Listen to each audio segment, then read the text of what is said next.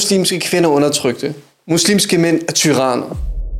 Har du nogensinde tænkt over, hvorfor Vesten konstant siger, at islam er kvindeundertrykkende? Årsagen er, at der i Vesten ikke er respekt for kvinden. Sexchikane er et alvorligt problem for at sige det mildt. I Danmark er det hver anden kvinde, der udsættes for sexchikane og overgreb. I USA har hver sjette kvinde været udsat for voldtægt eller voldtægtsforsøg. MeToo-bevægelsen var et oprør mod det her. Men problemet vil aldrig løses, så længe den vestlige kultur er herskende. For det er det vulgære kvindesyn, der er årsag til det her. I Vesten har man berøvet kvinden sin værdighed, det er åbenlyst. Se bare, hvor let påklædte kvinder skal være for at opnå succes. Om end det er på sociale medier eller musikindustrien, ja selv i sport. Se, hvordan kvinder konstant bedømmes på deres udseende i Vesten, og hvor meget hud de skal vise. Islam giver kvinden værdighed. Hendes værdi måles ud fra hendes karakter, ikke ud fra hendes udseende. Hendes påklædning er anstændig, for hendes mission er livet ikke at tilfredsstille en masse fremmede mænds øjne. Profeten sallallahu alaihi wasallam befalede, at kvinder skulle behandles værdigt. Istawsu bin nisa'i khayran.